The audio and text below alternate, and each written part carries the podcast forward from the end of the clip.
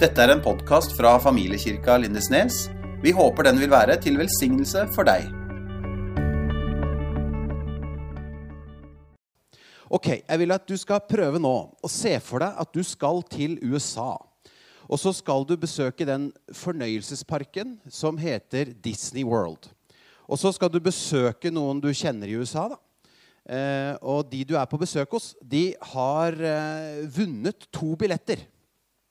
Så du skal få valget mellom de to billettene. Og den ene billetten den heter partial.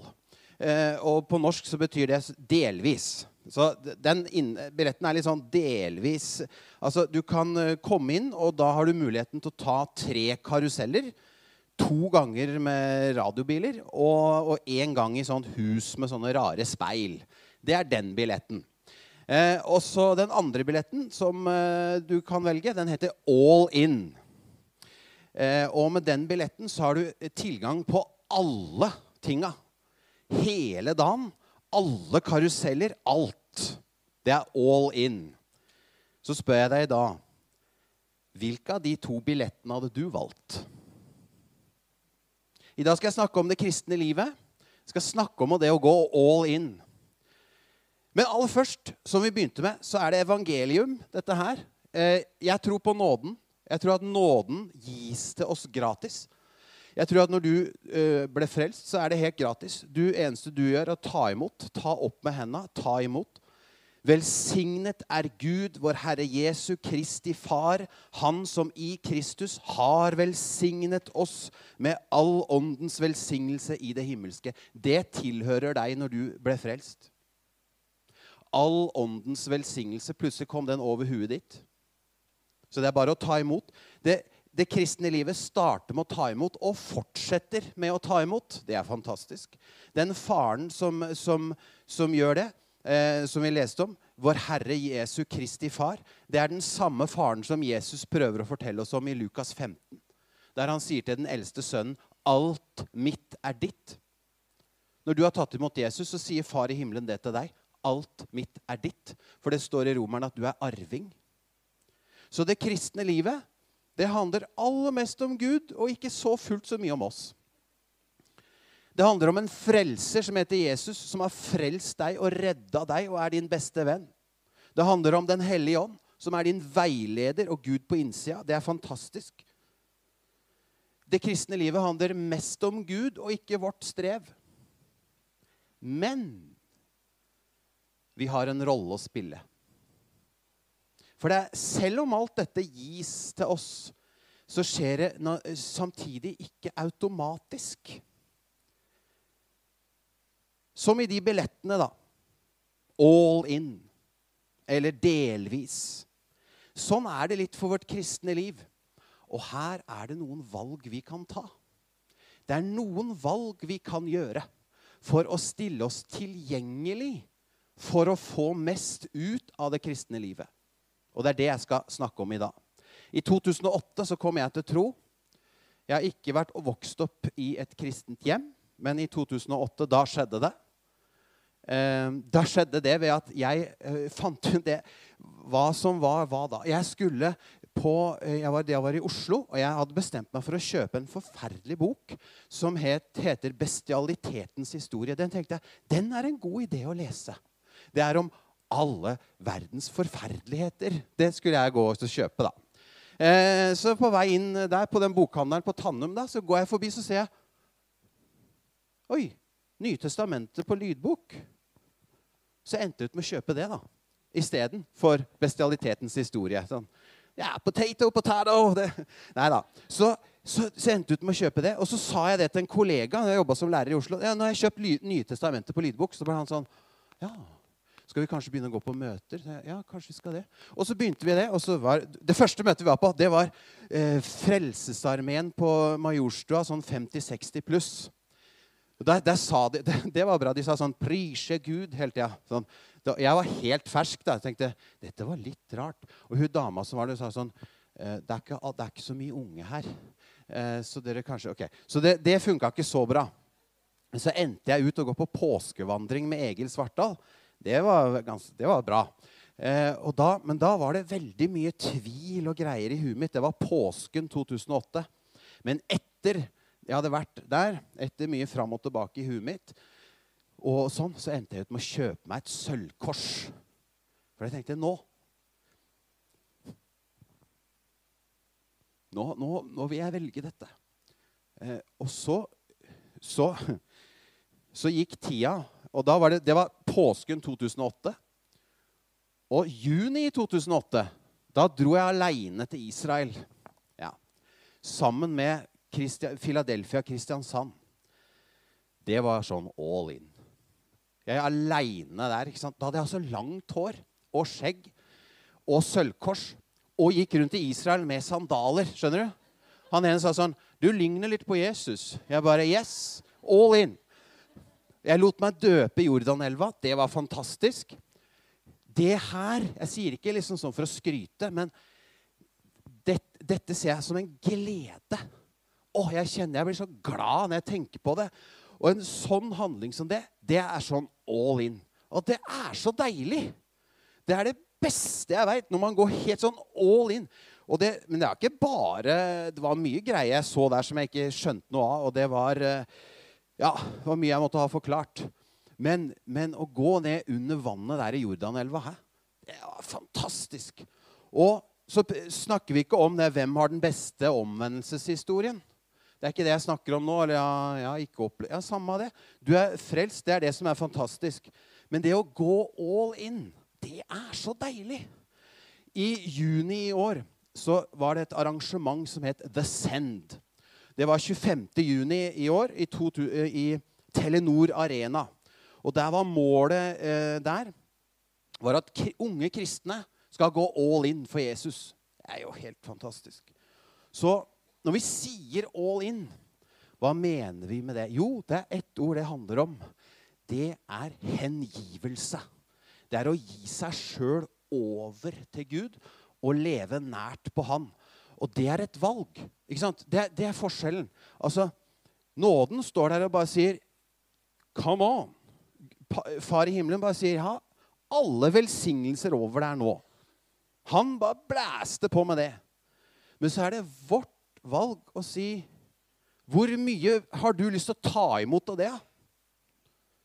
Og Rick Warren han har sagt at du er så nær på Gud som du sjøl velger. Og det må ikke bli for strengt. da. Så jeg skjønner at det kan være sånn vanskelig noen ganger å holde seg nær. og sånn. Men det er faktisk et valg å gå nær til Gud. Det kan vi velge. Vi kan velge å hengi oss. Og det er fantastisk. Og nå har jeg sitert Rick Warren, og så skal jeg sitere en annen som flere her både har møtt og kjenner til, ved navn Gustav Svennevik. Og han sa dette her. Helt fantastisk. Du kan få det med Herren som du sjøl vil. Det er så bra, den setninga. Fordi at den er så motsetningsfull. Det er sånn, Hæ?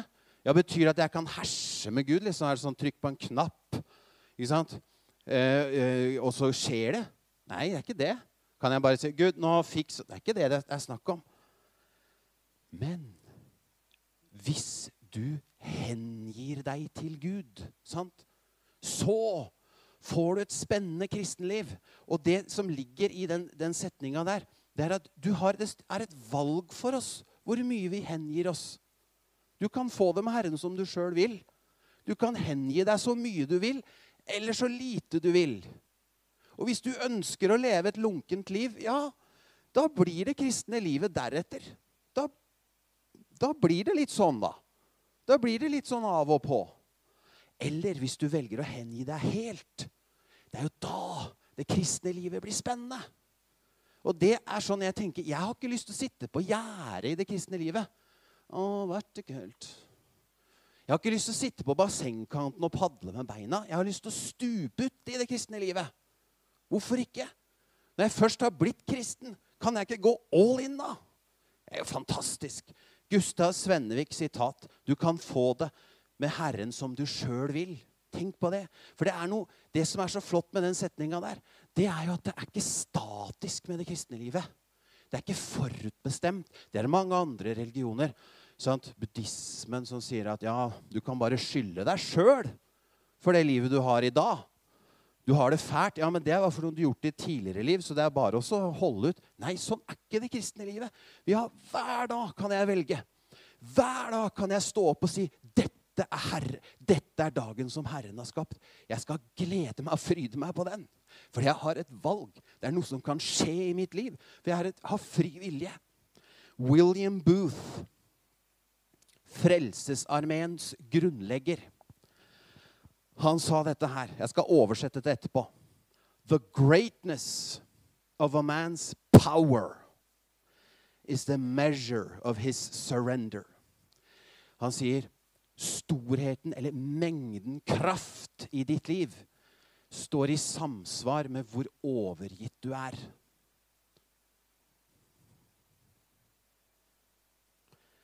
Vi kan velge å gå all in. Du kan få det med Herren som du sjøl vil. Og Tidemann, da kan du ta opp det første verset.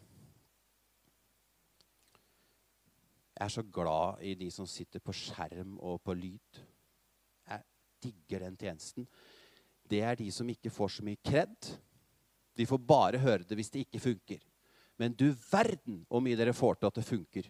Kan vi ikke gi dem en applaus? Nå må du henge på. Full fart her nå. For det er nemlig en sammenheng mellom, hva du tror, og hva du får oppleve av Gud. Heng på. Så brøt Jesus opp derfra og dro bort til bygdene ved Tyr, Tyrus og Sidon. Henger du med? Der. Og se! En kananeisk kvinne fra disse traktene kom og ropte til ham og sa, 'Herre, du Davids sønn, miskunn deg over meg. Min datter plages ille av en ond ånd.' Neste. Men han svarte henne ikke et ord. Hans disipler kom da og ba ham og sa, 'Ja, vis henne bort.' For hun går og roper. Det var sånn pesmu dama. Hun holdt på sånn. Neste. Men han svarte og sa, 'Jeg er ikke utsendt til andre enn de fortapte, som, uh, fortapte får av Israels hus.' Det var litt sånn avvisende. da. Men du skal, skal se, ikke, nøkkelen i denne her er ikke avvisning. Nøkkelen er tro. Da kom hun og falt ned og sa, 'Herre, hjelp meg.' Neste. Han svarte, 'Det er ikke pent å ta brødet fra barna og kaste det til små hundene.' Det er ganske sånn oh. Men se, se på, ikke heng, på, heng deg opp i det. Se på troen til hun dama her. Neste. Men hun sa, 'Det er sant, Herre.' Okay, det er sånn. Men de små hundene eter jo av smulene som faller fra bordet hos deres herre. Hun argumenterer. Da sa Jesus til henne, 'Kvinne, her er nøkkelen. Din tro er stor.' Oi. Det skal skje deg som du vil. Å ja. Tenk hvis hun hadde gitt seg før det. da. Det var ganske avvisende, det Jesus sa. Hm. Men hun gir seg ikke. Det sier noe om troen hennes. sant? Hun gir seg ikke. Og så sier Jesus, 'Din tro er stor. Det skal skje'. Tenk på det. Det er fantastisk. Og det her, ikke sant, Når det står 'det skal bli som du vil' hør, hør, Leste du det? Det høres litt ut som du kan få det med Herren som du sjøl vil. Jeg syns det ligna litt. Forventninger. Hva slags forventninger har du til Gud? Og La meg bare komme med en gang. Jeg tror ikke på magi. Jeg tror heller ikke på garanti. Jeg tror ikke at det er sånn magisk at bare hvis du tror, så skjer absolutt alt. Eller at vi går rundt med en sånn 100% garantilapp. Det tror jeg ikke på. Men jeg tror i høyeste grad på at det er en sammenheng med hva vi forventer av livet, hva vi forventer at Gud kan gjøre, og hva vi får oppleve. Det er akkurat det som skjedde her. Hun ga seg ikke, og så bam! Der skjedde det. Nå kan du ta neste tidemann. Da Jesus gikk videre derfra nå skal vi også høre litt om dette, fulgte to blinde menn etter ham og ropte, 'Miskunn deg over oss, du Davids sønn.' Neste. Etter at han var kommet i hus, gikk de blinde inn til ham, og han spurte dem. Hva er det han spør dem om nå? Hvilke forventninger har dere? Sant? Ja, tror dere at jeg kan gjøre dette? Han, han vil ha opp trua deres. Tror dere det? At jeg kan det? Ja, Herre. Se på neste. Da rørte han ved eh, øynene deres. Det skal skje etter deres tro. Oi. Våre forventninger er i sammenheng med hva du får oppleve. Så vet jeg den store debatten, det vanskelige spørsmålet som ikke vi skal ta nå. Jeg vet at ikke alle blir helbredet. Jeg vet at det er en, Hvorfor skjedde det med den og ikke med den? Det skal vi ikke gå inn på nå. Men det er en sammenheng mellom din tro og hva du får se. Så pass på din tro. Pass på når Jesus spør deg tror du at jeg kan. Hva svarer du da? Ah. Eller sier du som de ja. Eller den kanadiske kvinnen. Det skal skje som du trodde. Og jeg har bestemt meg. Jeg har bestemt meg for å tro på en svær Gud. Jeg. Har du gjort det? Jeg har bestemt meg for å tro på en Gud som velsigner, som leder, som hjelper, helbreder, forsørger og støtter meg. Det har jeg bestemt meg for. Ja, men det skjedde ikke med I don't care. Jeg har bestemt meg for å tro på den guden. Og det er et psykologisk prinsipp som sier dette her.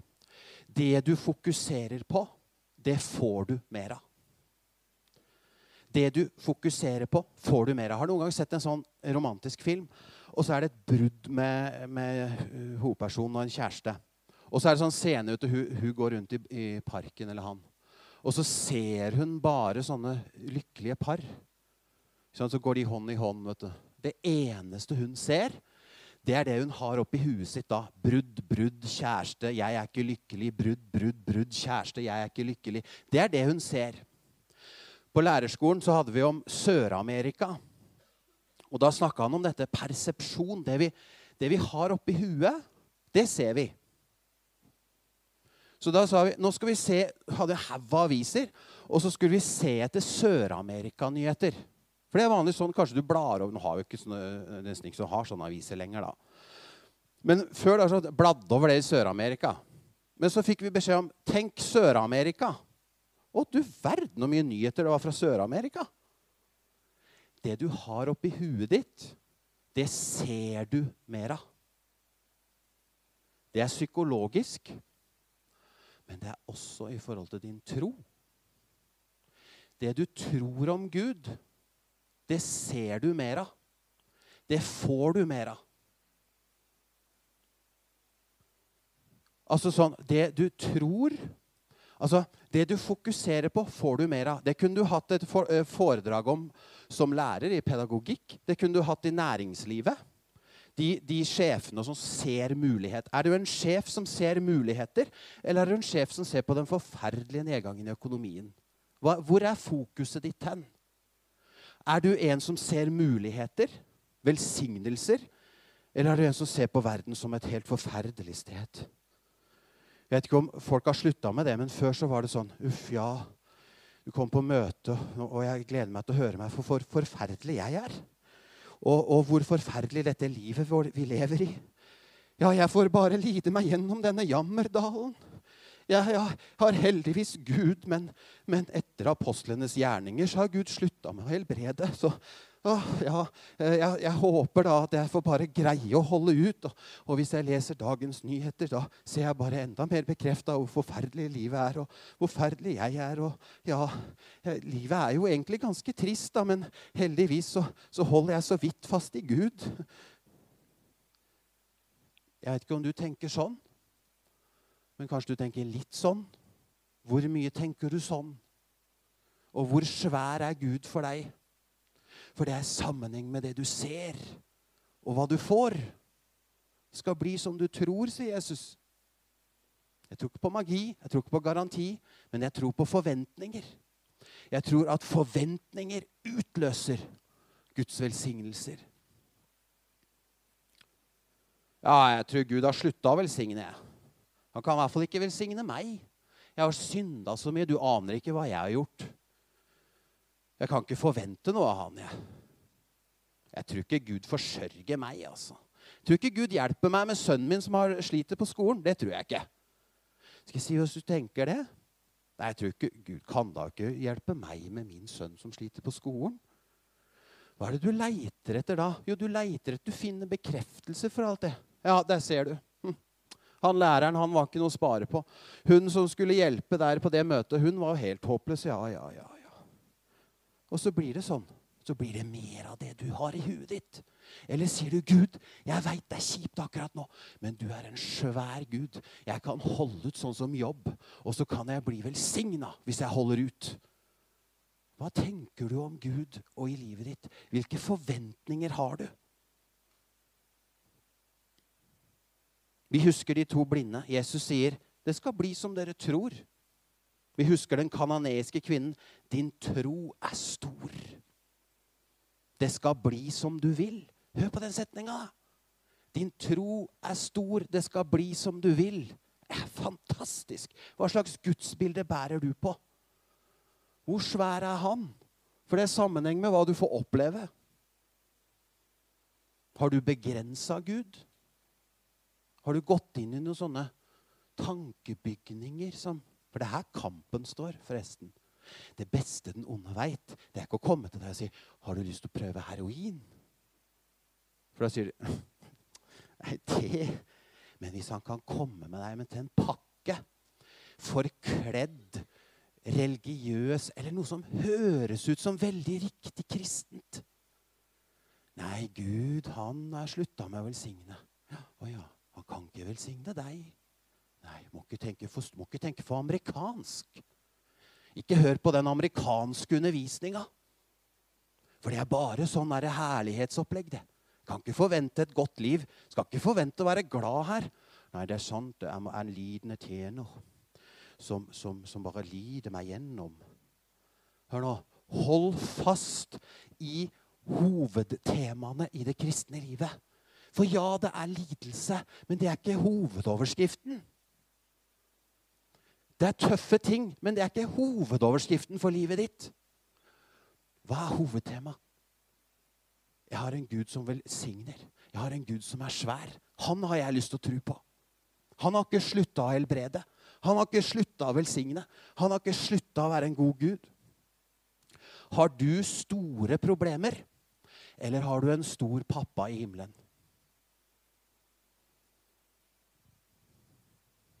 Hvor store er dine problemer i forhold til Jesus? Han som er navnet over alle navn, over alle sykdommer, over alle problemer. Hvor store er dine problemer i forhold til han, tror du?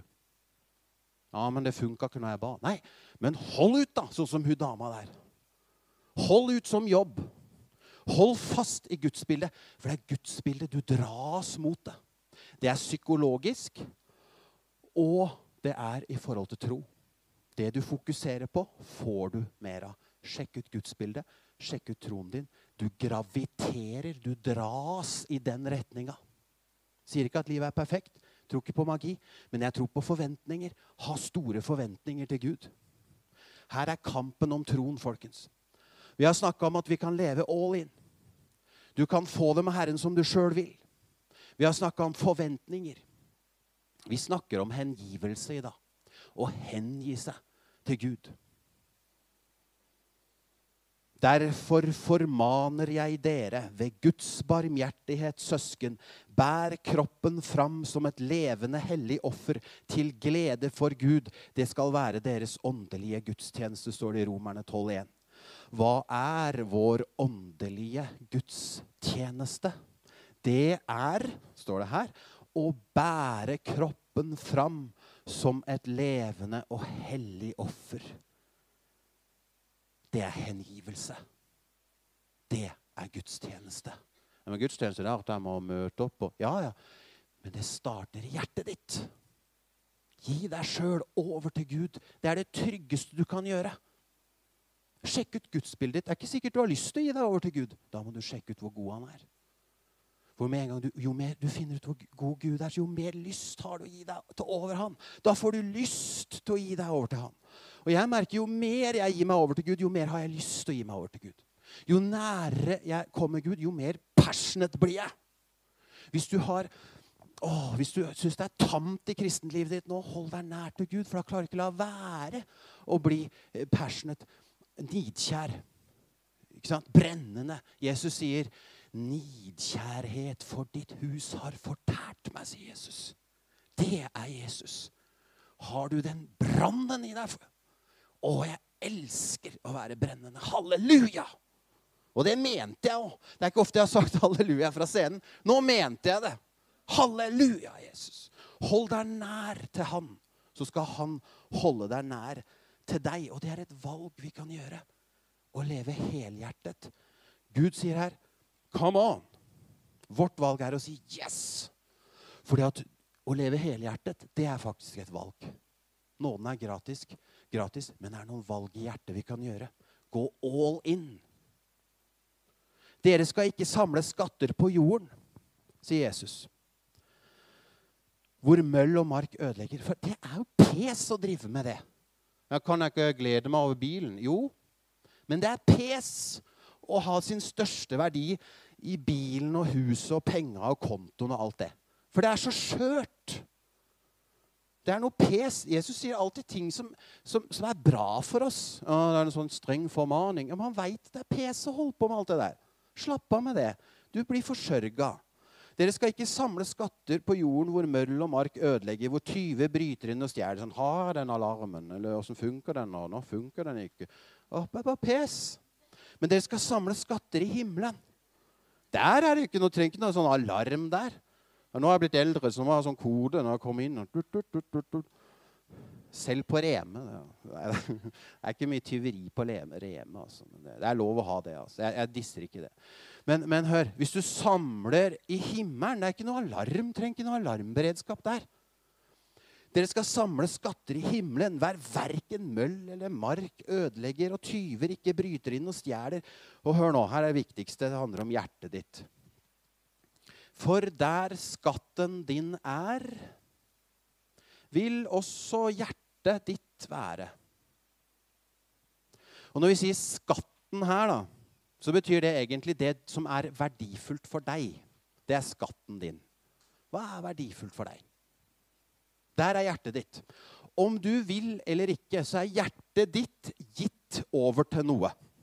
Det er i retning av noe. Vi må bare få det til å gå i retning av de riktige tinga. Men hjertet vårt det er i retning av det som er verdifullt for oss. Våre verdier, det som er verdifullt, der er hjertet. Hvordan veit jeg i mitt liv hva som er verdifullt for meg? Jo, jeg kan måle det på to ting. Ikke de eneste tinga, men jeg kan måle det på to ting. Jeg kan se på ei uke, og så kan jeg se. Hva bruker jeg tida mi på? Og hva bruker jeg pengene på? Det er to barometer som viser hva som er verdifullt for oss. Hvis vi er usikre på det, sjekk ut i løpet av en uke. Hvor mye tid bruker jeg på det? Hvor mye penger bruker jeg på det? Det er sånne søyler du kunne satt opp til hva som er verdifullt for deg.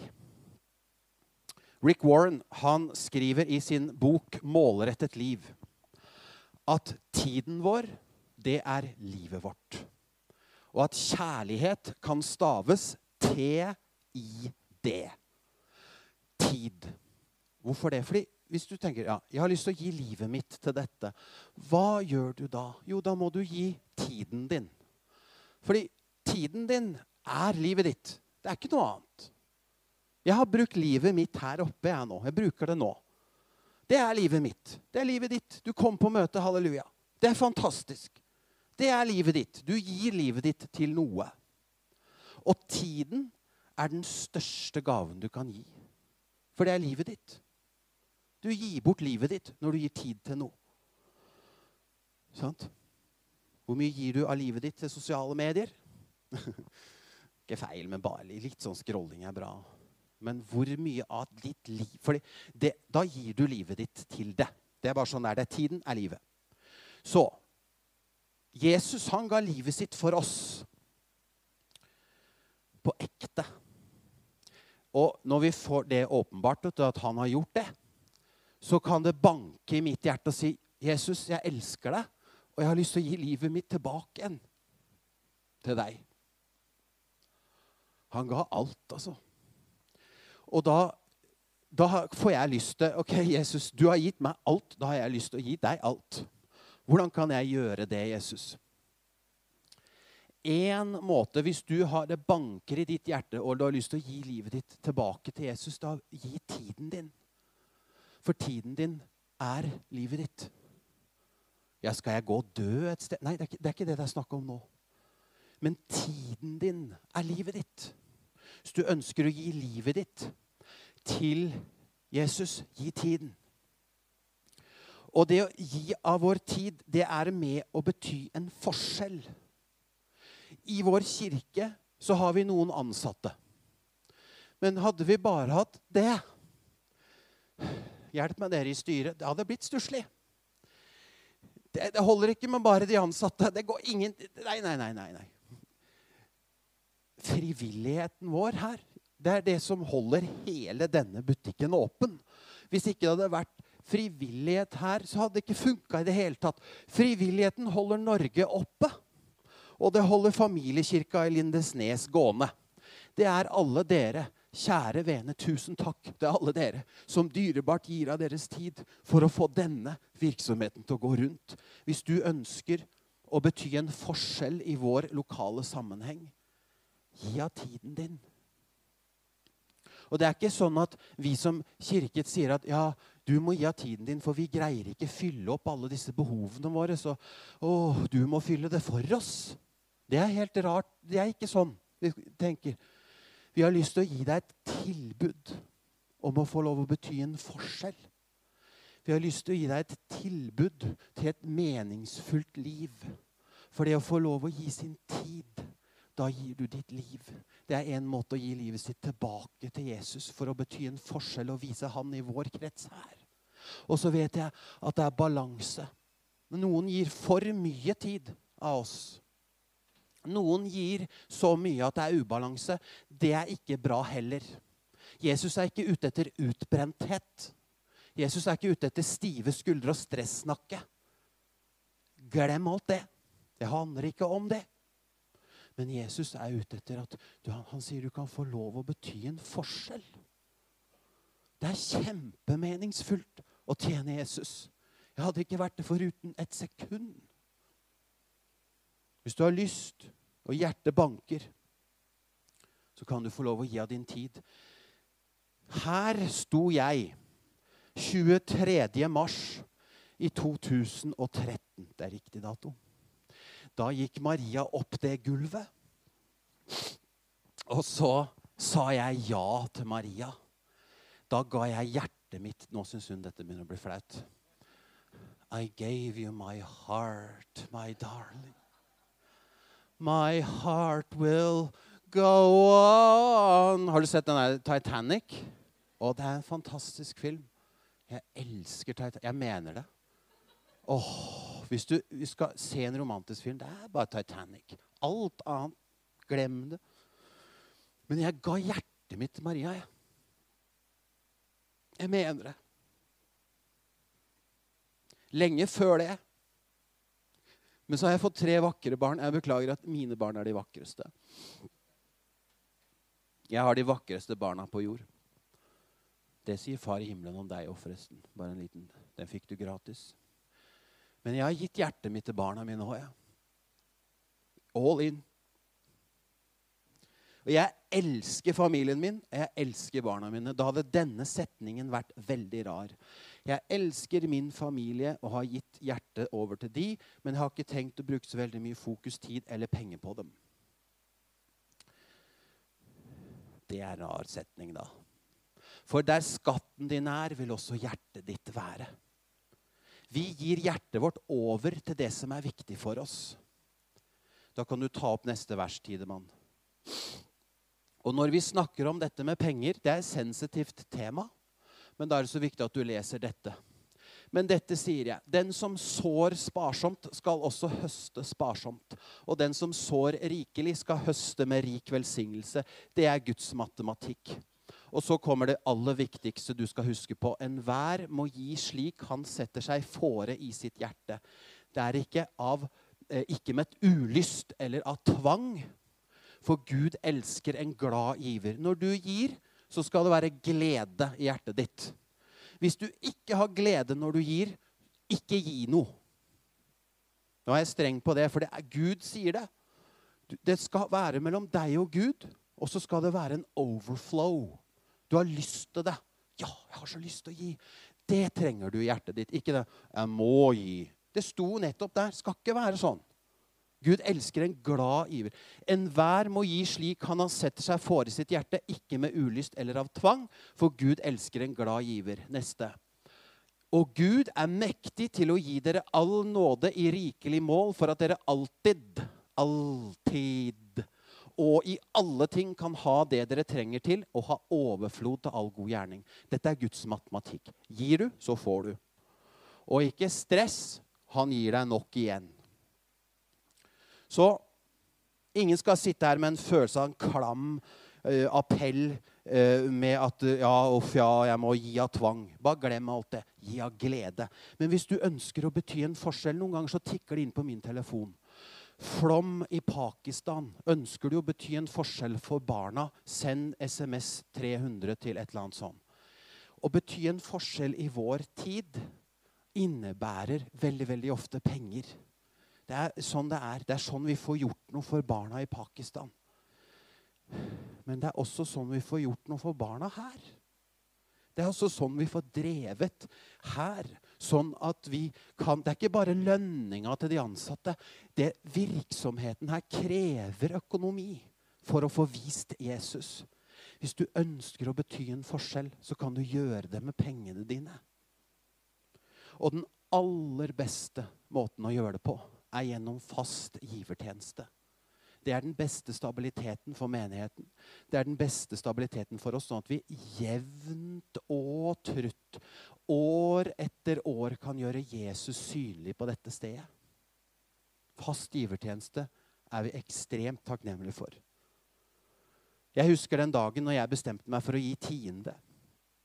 Nå har jeg lyst til å ta et nytt steg, kjente jeg. Jeg kjente ikke at det å gi tiende var av tvang. Det var ingen som tvang meg til det. Jeg kjente ingen Gud som sto 'du skal gi tiende'. Det var ingen som sa det til meg, men jeg kjente en glede over det.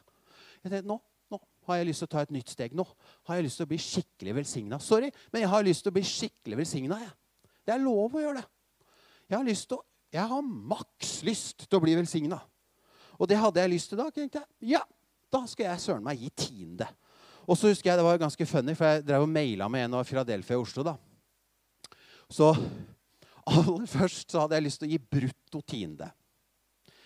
Og så fant jeg ut etterpå at det var en som råda meg til det verset at gi keiseren det keiseren er, og Gud det Gud er. Så jeg fant ut at netto tiende det var det, det jeg landa på. Men jeg, først så hadde jeg brutto tiende. Og så maila jeg med han i, i filla. da om nå skal jeg gi det Og sånn. Og så skrev han en mail tilbake til meg. og så sa han, er det dette beløpet du, Da er vi avtalt om dette beløpet. Og så hadde han skrevet feil beløp. Han hadde slengt på en null til. Så det var hele månedslønna. Så tenkte jeg sånn Beklager, men jeg er ikke så all in. Det, så, og så husker jeg så veldig tydelig når jeg leste svaret, var sånn Ops. Så vi fikk ordna det, da. Så, men det var fantastisk å gi det. I ordspråkene 3, 9-10 så står det Gi Herren ære med det du eier, med førstegrøden av hele din avling. Det tolker jeg som tiende. Og da kommer det jeg har veldig lyst på. Bortsett fra at jeg har ikke så veldig lyst på vin. Men da skal mat, din matbod fylles opp, og presskummene renner over av ny vin. Nå har jeg ikke veldig mye vin, men jeg tenker dette er bra. Og et annet bibelvers som, som, jeg har lyst til å følge, det er dette her.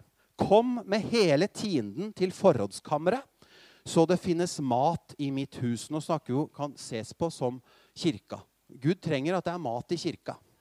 Så sier Gud det. Prøv meg på denne måten. Det syns jeg er kult at Gud sier. Prøv, skal vi se, sier Herren over hærskarene. Jeg skal sannelig Det er det Herren sier, da. Jeg skal sannelig åpne himmelens sluser. Det har jeg veldig lyst til. Og øse utover dere velsignelse uten mål. Det har jeg veldig lyst på. Jeg. Sorry. Jeg, jeg bare har maks lyst på det. Og så er du der du er, men det har jeg valgt. For det har jeg maks lyst på. Jeg er overbevist om at det er sant òg. Jeg tør ikke la være. på en måte. Eller jeg, jeg har ikke lyst. Ikke tør. Jeg tør å la være. Men jeg har ikke lyst til å la være. Sant? Det er en forskjell. Det handler om lyst. Det handler om å være en glad giver. Og ekstremt viktig at du sitter her med lave skuldre. Jeg har delt av det jeg tror på. Fordi vi er familie. Dette tror jeg på. Så kan du få lov å være der du er. Og hvis du gir fast beløp, så er det fantastisk. Og du blir velsigna tilbake for det uansett. Om det er 7% 8% 9% 3 Du blir velsigna tilbake. Så ha lave skuldre. Det skal være en ting mellom deg og Gud. Nå har jeg bare delt. Dette tror jeg på. Jeg har lyst på den der at Gud bare øser. Det har jeg veldig lyst på. Den derre øsinga. Så, så matematikken ikke Gud. Den som sår sparsomt, skal høste sparsomt. Derfor har jeg lyst til å så, sånn at jeg kan høste. Det har jeg kjempelyst på. Men enhver skal gi, seg, gi det han har bestemt seg for i hjertet. Så du skal kjenne hjertet ditt hva som kjennes rett. Og du skal kjenne på den gleden med å gi. Det er fantastisk. Vi er privilegerte i Norge som får lov å gi. Det er en glede å gi. Det kjennes kjempemeningsfullt. Dette mener jeg. Det er så deilig å kunne gi. Og jeg syns det er utrolig ryddig å ha noe sånn fast. Fordi at jeg husker Før så var det sånn ja, Hva skal jeg gi? Skal jeg ikke gi sånn? Og så plutselig impuls så ga jeg noe. Nei, nå har jeg ikke gitt noe på en stund. Hvis man gir noe fast, så er det en sånn rytme. Da veit jeg at det skjer. Det, det, det er fantastisk. Så Nå kan du gjøre klar den filmsnutten, Tidemann. Den 25. juni 2022 så ble det samla tusenvis av ungdom på Telenor Arena. De var samla fra klokka ti om morgenen til ti om kvelden. Og Descend det starta i USA. og da, da, erklærte de litt sånn amerikansk, litt sånn all in.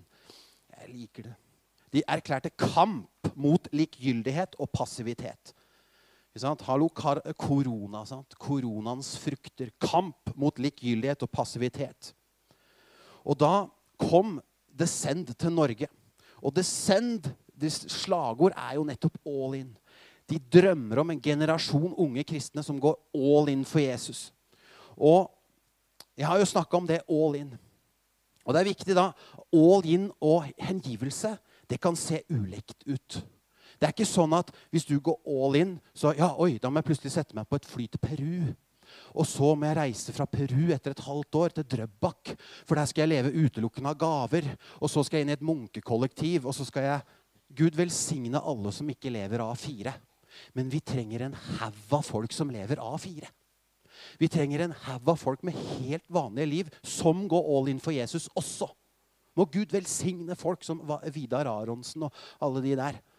Men vi trenger oss også, med en helt vanlig jobb eller ikke-jobb. Der du kan bety en forskjell med alle de du betyr en forskjell for. Det handler ikke om å leve helt sånn vilt liv. Vi trenger de som reiser ut, men vi trenger noen som bor her òg. Vi trenger deg som sitter her. Og vi trenger at du går all in. Så du må ikke bli redd for å gå all in. Det er ikke sånn ja, da blir jeg sendt til, til, til, til Nord-Norge, da. Eller, nei, nei, du kan bli her og være all in. Det er fantastisk. Og Nå skal vi se en appell på den filmen. Og Der sier vi drømmer om en generasjon unge. Ja, det gjør vi. Men denne appellen den skal gå til alle. For jeg tror Gud drømmer om at alle generasjoner skal gå all in. Ja, men jeg er så gammel nå at uh, jeg har tjent så lenge? Er sånn, jeg er så veldig glad i USA. I USA så er det sånn slagord som er sånn Don't retire, refire. Var ikke den bra, Janet? Ikke, ikke sett deg ned. Reis deg opp. Gud har masse for deg. Ja, men jeg er 60 pluss. Yes! Fantastisk. Hvor gammel var Moses da når han begynte å kjøre på? Så kjør på. Og nå tar vi den appellen her til alle. Ok? Se om Jesus kan si noe til deg nå. Bare sett på den, Tidemann. Jeg tror på en Gud som drømmer om at alle generasjoner går all in. Hva blir din respons når du ser det der? Har du lyst til å gå all in? Og som de sa, det starter med oss. Det starter med deg som sitter her nå, og meg. Det er der det starter, i hjertet vårt. Du kan få det med Herren som du sjøl vil. Og om Gustav Svennevik hadde levd i dag, hva tror du han hadde tenkt om all in? Var ikke han ganske all in? Jeg tipper han kunne sagt noe sånn som dette. Du kan få det med Herren som du sjøl vil, så derfor spør jeg, er du klar for å gå all in? Hengivelse er et valg. Du kan få det med Herren som du sjøl vil. Ønsker du et spennende, rikt kristenliv, gi deg hen til Han. Det er ikke farlig. Det er da du får brannen. Og vi trenger helt vanlige mennesker som er all in for Jesus. Vi trenger deg til å gå all in. Og pass på det du tror. Vi har vært innom gudsbildet.